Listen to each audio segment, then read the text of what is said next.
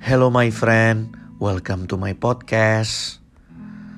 Renungan hari ini judulnya adalah Iman yang luar biasa.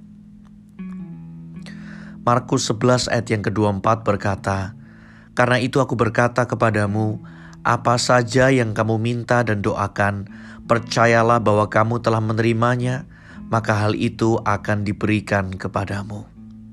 Amin. Memiliki iman yang luar biasa akan membuat kita hidup dalam gaya hidup mujizat. Kita akan pergi dari satu kemenangan ke kemenangan berikutnya.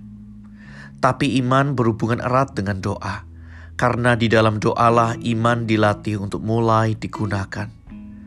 Doa adalah sebuah ekspresi iman yang paling dasar, bahwa sesuatu bisa terjadi atau digerakkan hanya dengan meminta sesuatu untuk terjadi.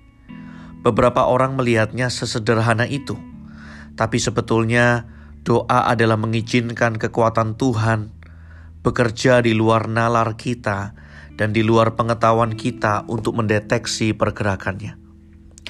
Jika iman itu bisa dijelaskan, maka iman hanya sekedar sekumpulan informasi yang memang layak dipercayai.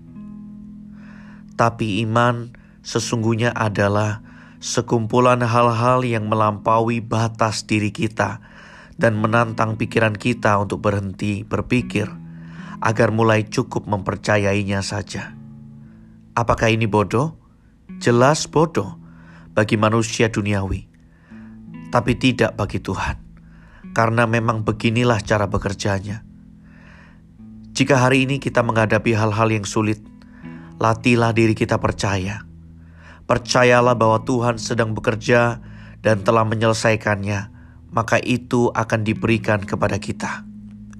Let's pray. Bapa, berilah kami iman yang luar biasa agar mujizat menjadi gaya hidup kami yang normal dan semua orang akan memuliakan namamu. Amin.